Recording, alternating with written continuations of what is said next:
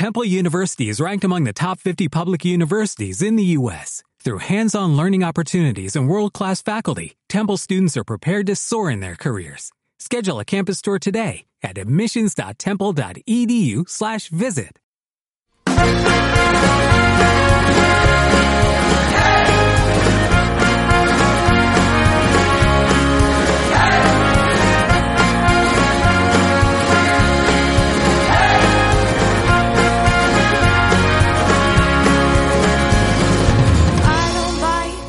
Bona nit, tribuneros. Benvinguts a Suena Mitchell.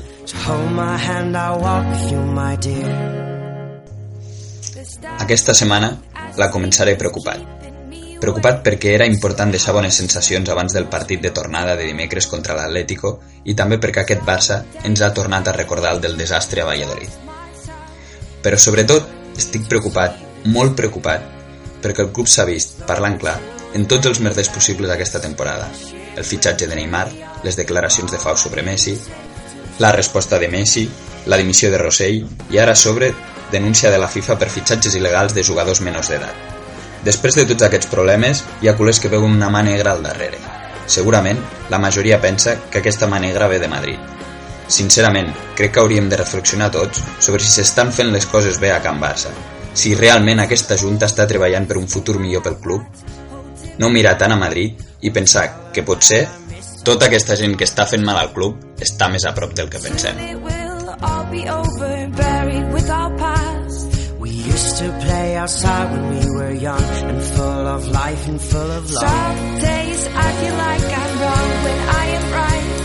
Your mind is playing tricks on you, my dear. 'Cause though the truth may vary, this ship will carry. I una setmana més estem amb Alex Santos Hola, bona nit. I Ismael Antó Bona nit. i avui començarem com sempre amb el tuit de la setmana. Sí, abans que res, volem recordar-vos que podeu seguir-nos al nostre Twitter, arroba suenamichelpot. I, bueno, esta setmana el tuit que hem triat és un tuit d'un dels nostres referents a Twitter, que és Jaume Torres, que és arroba Jaume Torres 14, 14 de Cruyff, per cert. Què, què diu així?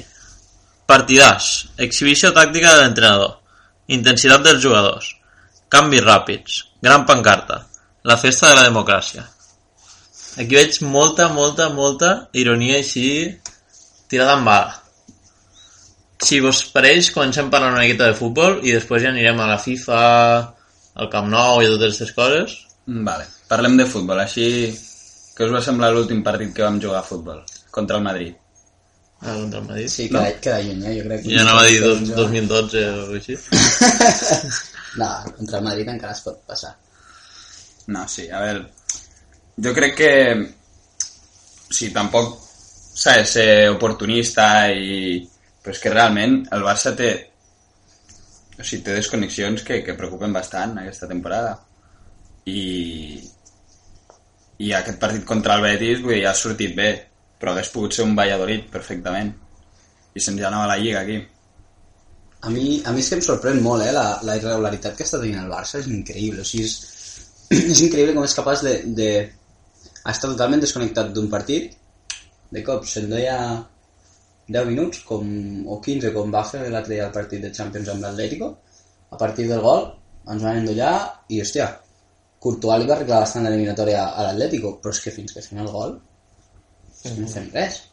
I, i l'altre dia contra el Betis jo encara no sé quin, quin partit és pitjor si el contra el Betis o contra el Valladolid contra el Betis Sí, sí, gu- guanyem, que segurament és pitjor del 3-1 Betis. guanyem 3-1 però, però amb dos penals i, i, un, i un regal Vull dir, és que jo no sé ni si xutem a porta algun cop eh?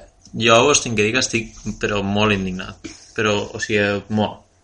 Perquè el que no pot ser, tu, mira, et pot sortir un partit dolent, pots perdre, pots, pots perdre que quals, contra qualsevol equip, perquè tots els equips tenen les seves coses i pots perdre contra qualsevol equip.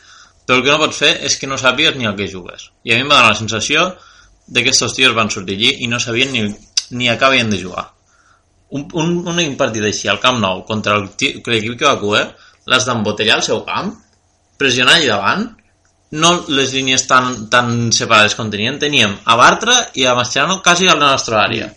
i a Messi i a Neymar a l'altra àrea. I pel mig no hi havia res. Sí, O sigui, estava molt llarg. l'equip molt trencat, molt llarg, i això, és que això el Barça no ho aguanta contra, contra cap equip. És que és impossible. no I això me direu, va, la intensitat l'han de ficar els jugadors i tot el que vulguis. No tenim entrenador. O sigui, és intolerable. És per a dir, tata, demà no vingues. Que hasta el minut 32 de la segona part no fas ni un canvi. I després la justificació que dona la sala de premsa és no sabia muy bien lo que necesitaba el equipo... Aquí t'ho reconeix. No té ni idea del que ha de No ten, aquest és que no en té ni, ni puta idea de, de, del que s'entrena el Barça. A més, fa la sensació que durant tot el partit és un... Bueno, sabem que guanyarem aquest partit. Sí, sí. Però anem, a, no anem al trote, res, sí. anem a jugar, mira, doncs Messi mos farà un compte d'aquí me la farà, o, o una genialitat d'algú.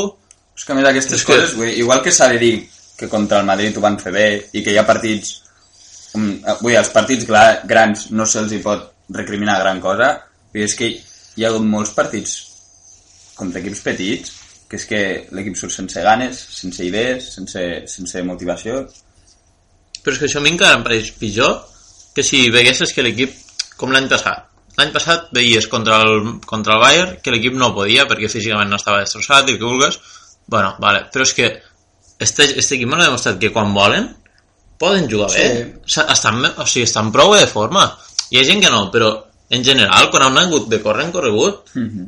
I el, que, I el que no pot ser és que Xavi el Valladolid me fa peresa jugar. Exacte. Mira, doncs són dolents, pff, doncs ja caurà un golet. I si juguem al 80%, doncs són molt més bons que ells. Bé, el Betis, bo, van coers, estan ja quasi segona, és que el Betis està jugant la vida.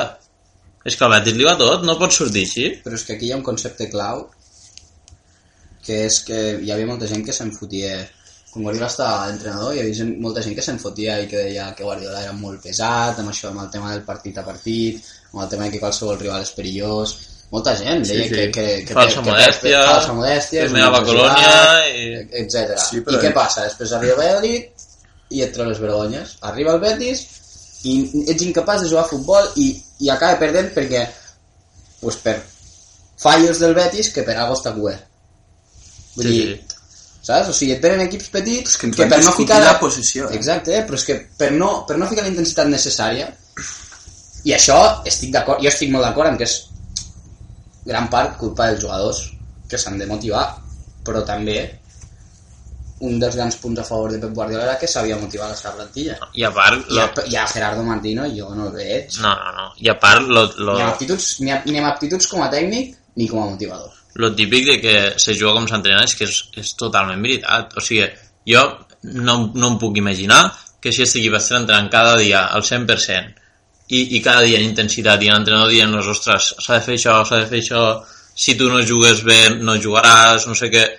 És que és impossible que estiguis entrenant a tope i després arribes a un partit que estàs jugant la Lliga, que ja te l'han regalat prou altres vegades, perquè l'han perdut, me l'han regalat, me l'han tornat a regalar, i, i no pot ser que sortís així si realment s'estan fent bé les coses. És impossible.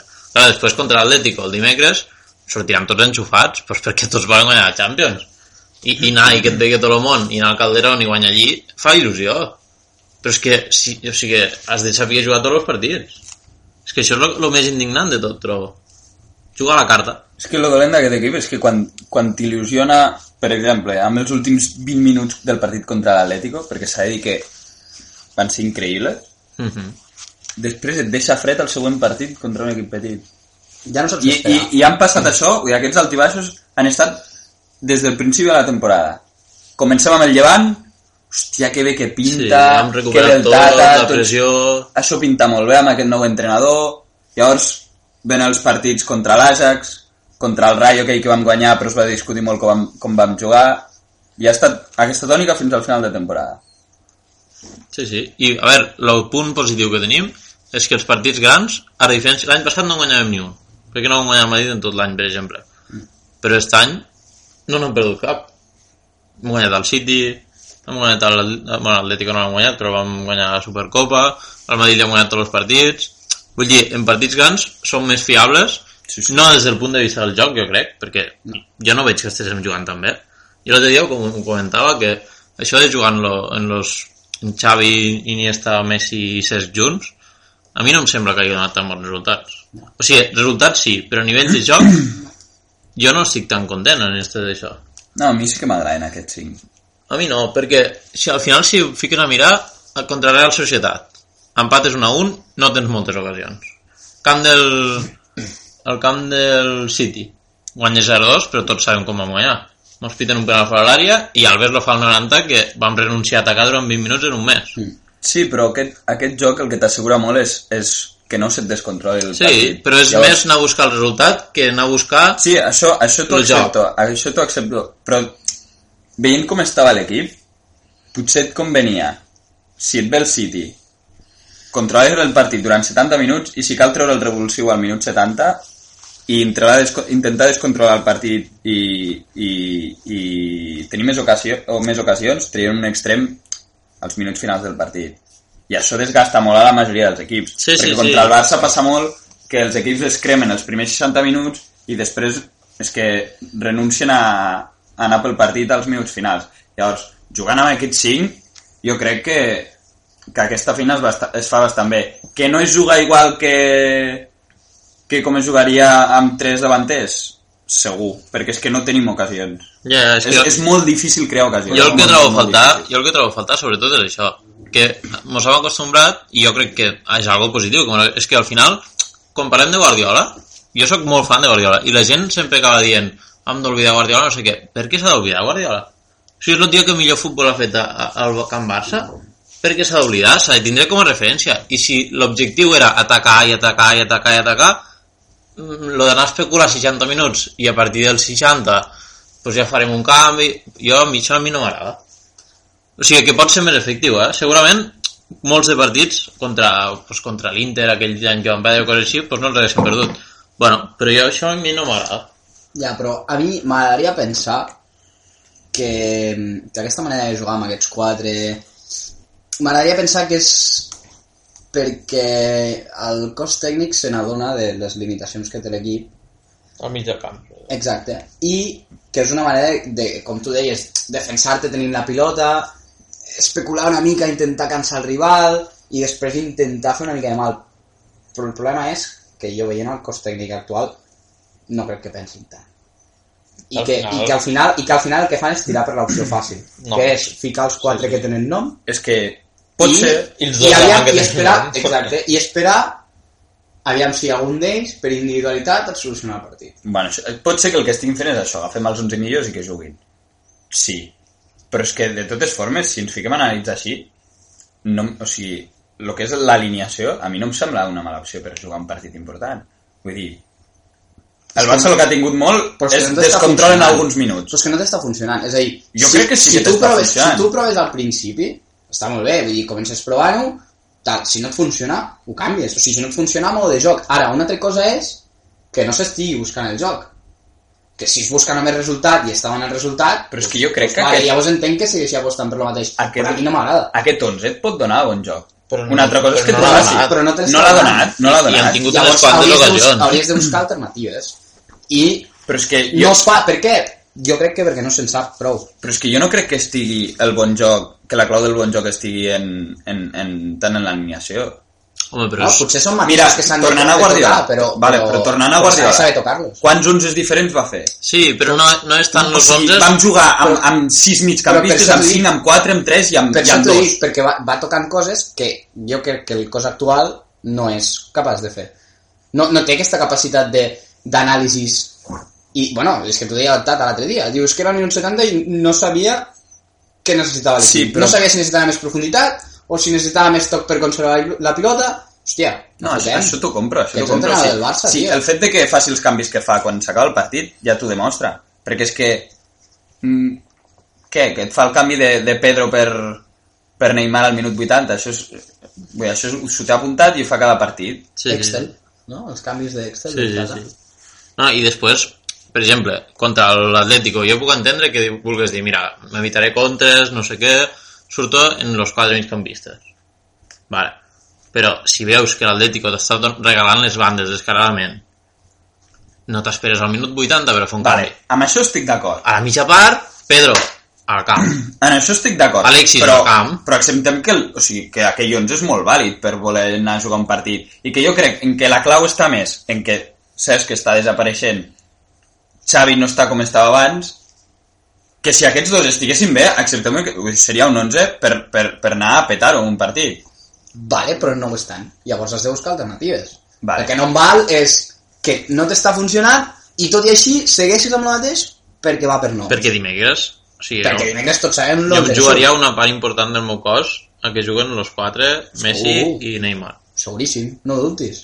Per algo no van Jo, jugar ahir. jo, Espero- jo dimecres ja no ho faria Ah, Espero perquè d'anar a marcar el gol però- i assegurar-t'ho. Eh, però és el que et dic, Però amb un partit d'anada contra l'Atlético, que el que et fa és marcar-te a la contra en el moment i, i situació més, o sigui, més, més gitana possible, Sí, sí, no, no. Si jo a nivell de resultats ja t'ho dic que no t'ho discutir això. Però és que el minut, hasta que fa el gol Això- Neymar, això és veritat, vull dir- quantes ocasions tenim? Sí, sí. Entre 0 i, i, Ah, i s'hauria- 0. hauria d'entrar Pedro com a molt tard al minut 60. Però com a molt tard. Sí. Sí, sí. I com, com espereu el dimecres? Jo veig un partit bastant, bastant complicat, perquè, mm, com ja hem comentat mil vegades, la producció de gols contra l'Atlético està sent molt, molt baixa i necessiten marcar, sí o sí.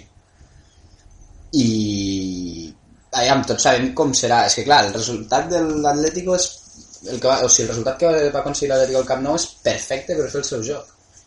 Que és estat tancadets, ser gitanets a darrere, Pegar patades, pegar patades Sí. en impunitat de l'àrbit. Sí, o sigui, que jo no... Jo, aviam, que és una manera totalment lícita de jugar, vull dir, jo, no, jo, jo això no ho Però critico. també és lícit que l'àrbit tregui més està, targetes de les que o sigui, el problema és si l'àrbit sap controlar el partit o no. Però, però clar, o sigui, aquest escenari és perfecte per l'Atlético. Ben tancadets, ben ordenadets a darrere, i anar esperant.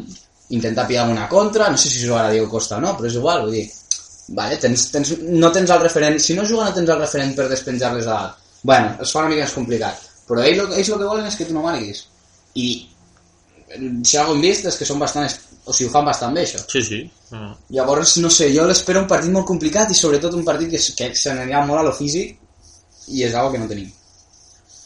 No tenim físic nosaltres com per anar al xoc, com per anar... O sigui, serà el típic partit de lluita, el típic partit de Premier anglès que... Pues això no ens convé. que o sigui, no, no, no, quan dic de Premier anglès no em refereixo al, al patadón o no sé què, no, em refereixo a, al Molt- xoc, al molt contacte, físic, molt físic, un partit molt físic que el Barça... Que és el que li interessa al Atlético. Exacte, i, i és tot el contrari del que li interessa al Barça. És que al Barça el que li No sé, interessaria, és complicat. el que li interessaria sobretot és mobilitat de la pilota molt, molt, molt ràpida. Jo contra el Betis vaig veure Xavi abans de passar una pilota fer 5 i 6 tocs de Sí, pilota. això sobretot és el que no hem de O sigui, fer. és que això no, ens- llavors la posició no serveix de res.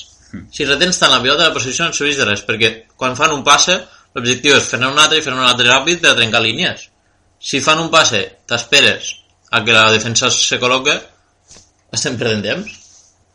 I, i jo ara no veig ara, sobretot a Xavi i a, i a Cesc, que Iniesta pues, està més finet, però no els veig en, la, en, la, en el punt de xispa per a poder moure la pilota ràpid i vull dir, o, o mos treu alguna generalitat Messi o Neymar o el mateix Iniesta, patirem, eh? I, I jo, en això que has dit de que serà, seran molt clau les genialitats aquestes puntuals, jo aquest partit sí que Neymar el, fa, el faria jugar a l'esquerra. Sí. sí o sí. Perquè, perquè és molt clau. Vull dir, perquè si et dona la casualitat de que Messi no té el dia, que és difícil, però Neymar, pot passar, Neymar a la dreta no està fent Neymar a res. l'esquerra, un moment, una estona que es va ficar a l'esquerra al partit de, Sí, del Camp Nou els 20 minuts. i va ser un gol. I amb Iniesta d'interior. És que és això, si fiques...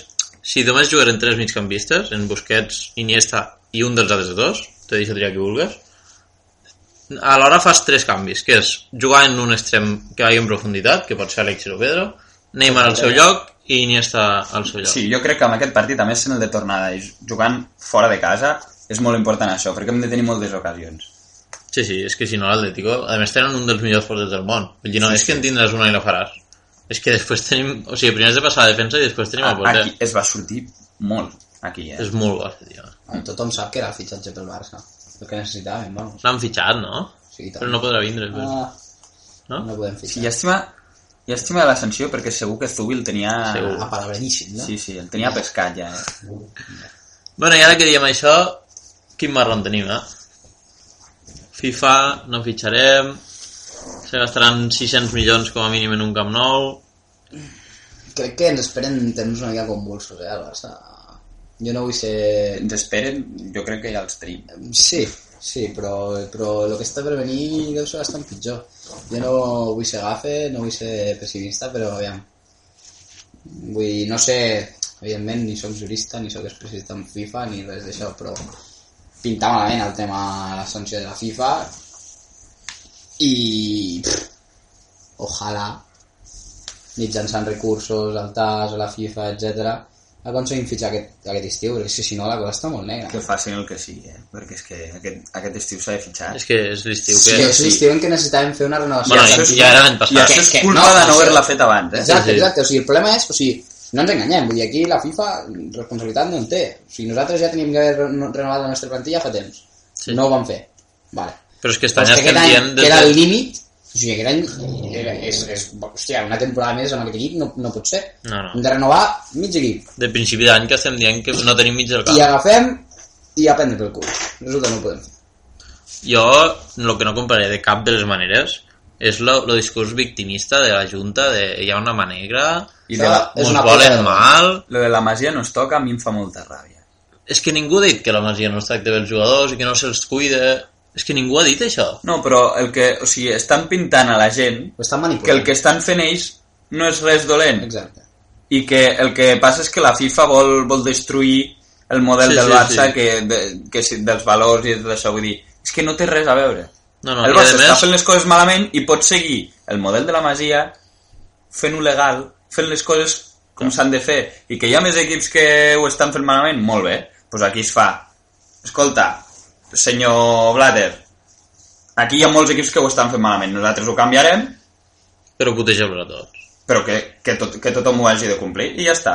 I ficar-se una mica sèrio, perquè és que, si Lo no, que- és un cachondeo, això. El que és intolerable és el que està fent de la Junta de dir, mira, nosaltres no hem fet res malament, estos jugadors han vingut aquí i després quan no han pogut, quan mos han, dit, quan mos han informat no ens han deixat jugar i tal. Molt bé. Si hi ha una norma, per molt que tu creguis que és una norma que està malament, no te la pots saltar. No. I després el que diu que Sandra va enviar un, una, un correu a la, a la FIFA dient que volia canviar la norma i que el Barça i els clubs grans fossin especials. Això està molt... És que a mi em pareix bé que al Barça pugui vindre gent, o al Madrid, o al equips que els cuiden i que realment, per al lo, lo famós Lee, el coreano este, que és lo, lo més famós del cas este, és un tio que segurament si estigués al seu país no arribaria mai a ser futbolista professional i aquí pot tindre opcions de ser un jugador professional, tindre una educació i tot. Això a mi em pareix perfecte.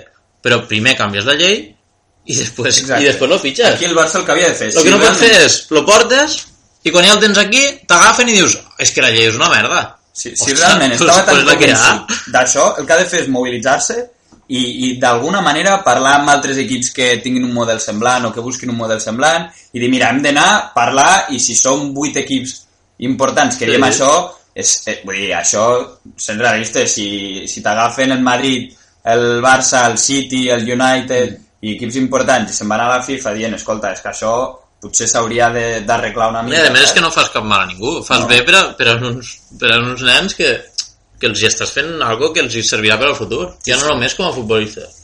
No, i que hi ha casos i casos, vull dir... Sí, sí, sí. Sí, però bueno, seguim en la mateixa tendència, no? De nosaltres ho fem tot bé i són no, no, la mano negra conspiratòria aquesta que ens vol mal i que, i que per enveja es vol carregar el Barça i, i Però és que- no, però el que hem de fer és, és tocar de peus a terra primer mm, ser conscients o, o almenys ser una miqueta humils i no pensar-nos que el Barça és el puto centre de tot, el centre de la FIFA, el centre de tot i, i que com, perquè a mi, a mi això de de, de lo que deies tu ara, de que tu envies una carta, o sigui, allà aquest és el cas, Sandro Rossell envia una carta i fins a 5 mesos després no té una, una resposta via fax amb 4 línies.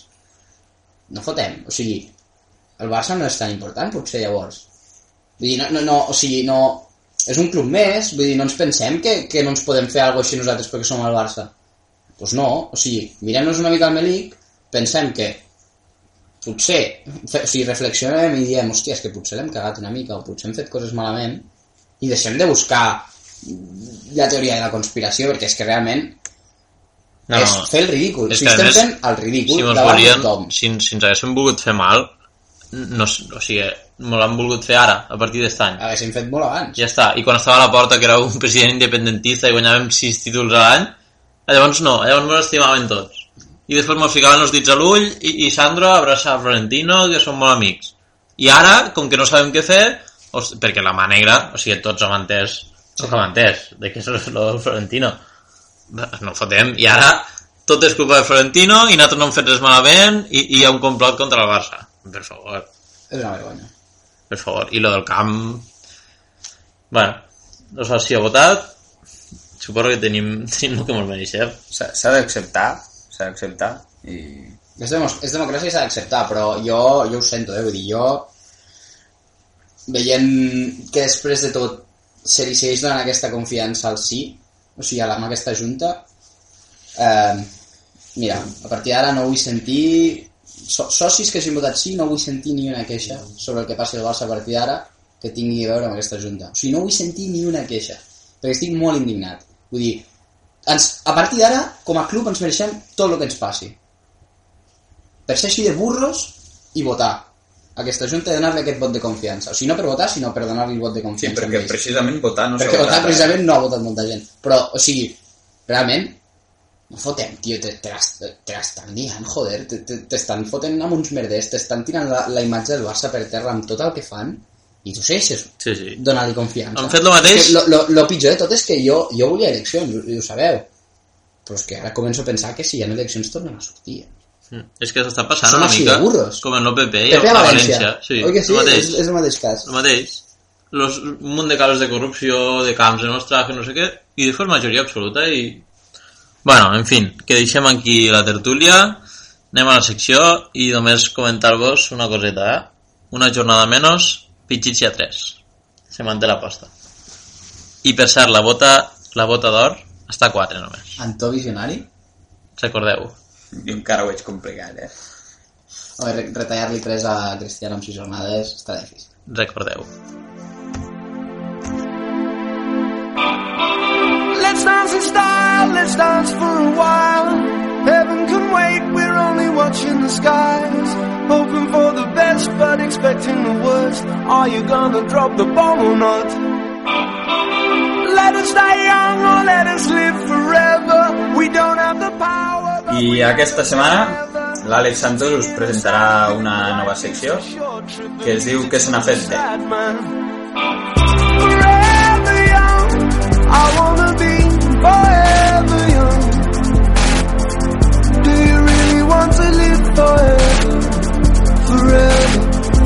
and ever? Molt bé, què se n'ha fet de? Aquesta secció doncs, us parlarem una mica de, de jugadors, bé sigui cracs mundials, o bé sigui jugadors que prometien molt, o, o que per qualsevol cosa ens en recordem d'ells, i que segueixen en actiu, però no en tenim ni idea d'on. Vale? Llavors, una secció així havia de començar amb el major exemple de trotamons en el món del futbol. Nicolás Anelka. Aquest tio sí que sent el, la passió pels colors, eh? Mm, per la, la, els colors dels bitllets, no? Més o menys. Sí. Us comento, així ràpidament. Aquest noi va començar amb 16 anys... Bueno, noi, Bueno, podria ser el meu avi, eh? dic noi perquè parlava dels seus inicis, però bueno. Va començar al PSG amb 16 anys, ¿vale? D'aquí va fitxar per l'Arsenal.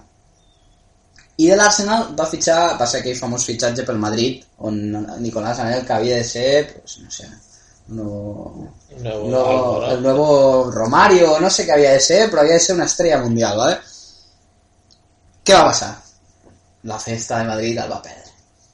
Va tornar a París. El on va la coincidir... festa no... Sí, sí, Nicolás Anelka és bastant famós pels seus, per les seves sortides nocturnes per Madrid. Si no, podria haver sigut un bon mestre de UTI, jo crec. Eh? El cas és que va tornar a París, on va, on va, on va coincidir al PSG amb, amb Ronaldinho.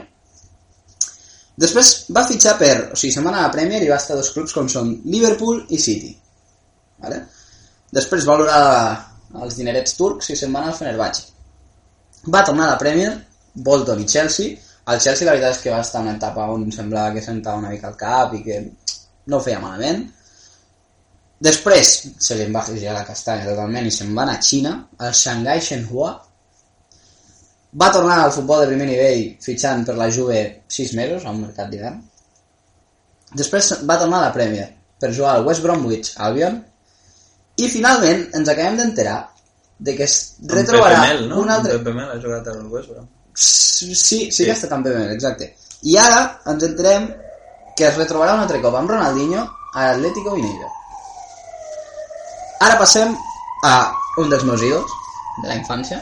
No ha sigut precisament un trotamundos, però ara molta gent es pregunta si s'ha retirat, on està... Alessandro Del Piero, Crac. ¿vale? Crac absolut. capità i ídol de la Juve durant tota la seva carrera, que quan va veure una mica com Puyol, no? quan va veure que ja no estava al nivell que li exigia un club o el seu club del, dels amors, eh, ha decidit marxar. Pues, Del Piero va fer el mateix i se'n va anar a Austràlia, al Sydney Football Club, ¿vale? on ara és capità, on no podia ser una altra cosa, i bueno, pues, va disfrutant no? dels milionets que li cauen i, i de jugar a patxanguetes amb, amb, amb els amics. Jo estic, he vist algun gol molt guapo de Del Bé, Piero amb bé. el cine La aquest, eh? qualitat Vull de del Piero, això Però- no es perd mai. per Twitter he vist un parell de, de golets, un de fa molt poc, on el tio flipes, eh? A veure, no et fa els 100 metres en 9 segons, vale? No. Però, Físic ja no el té, però la classe la manté intacta. però ho fa molt, molt bé encara. Passem al següent. Diego Forlán. Aquest va començar jugant a Independiente. Vale? Llavors va fitxar molt jove pel United. Eh? Aquella època bastant bona del United, on, on bueno, van apostar per aquest jove uruguaià que ho va fer, no ho va fer malament, vale? però bueno, um, jugava poquet i el va fitxar el Villarreal. Aquí va ser on va explotar.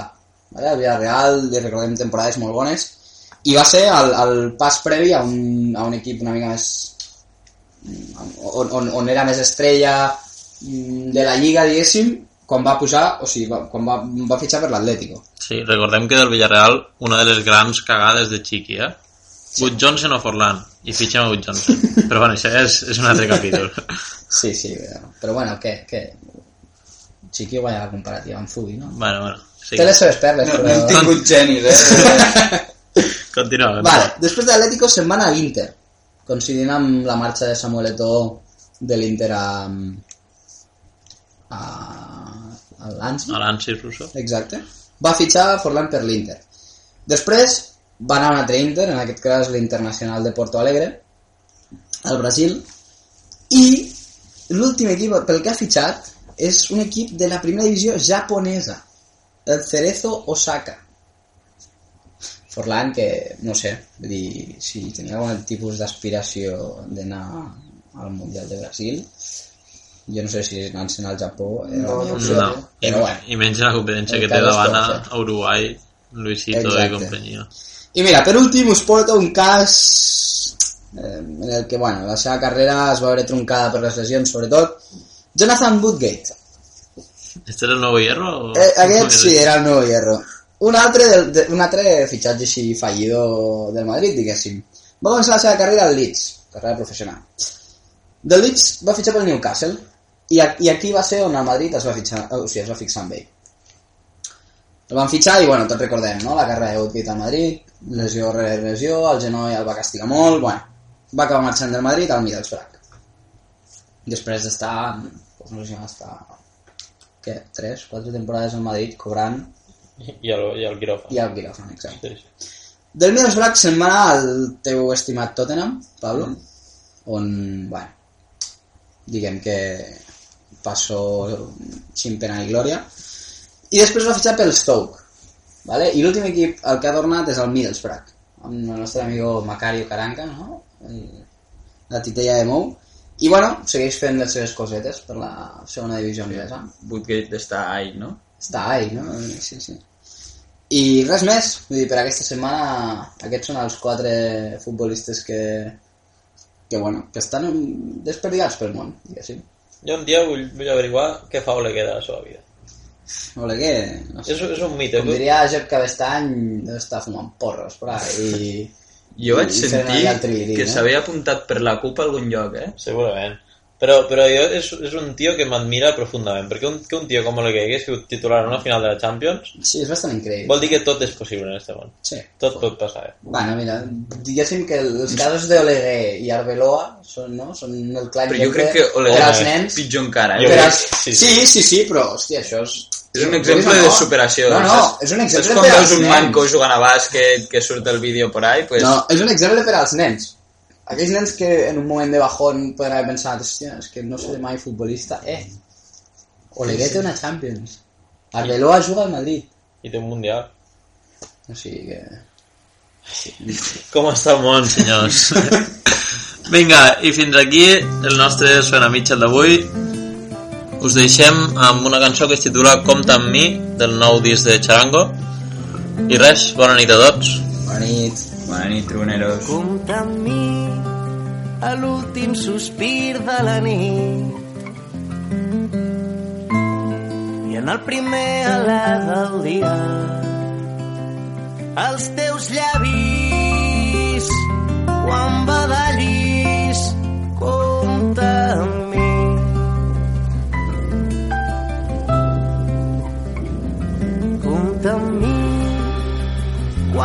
succeedin els dies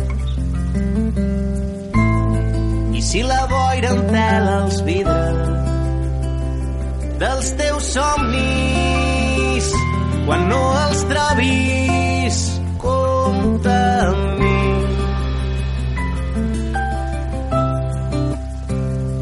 I tu i jo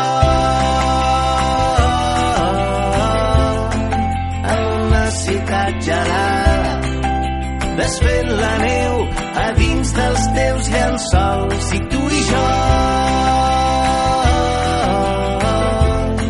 fins que se't curin les ales jo seré aquí espantant els teus malsons. Compta amb mi en els dies de lluita. I si l'esperança et descuida els mals passos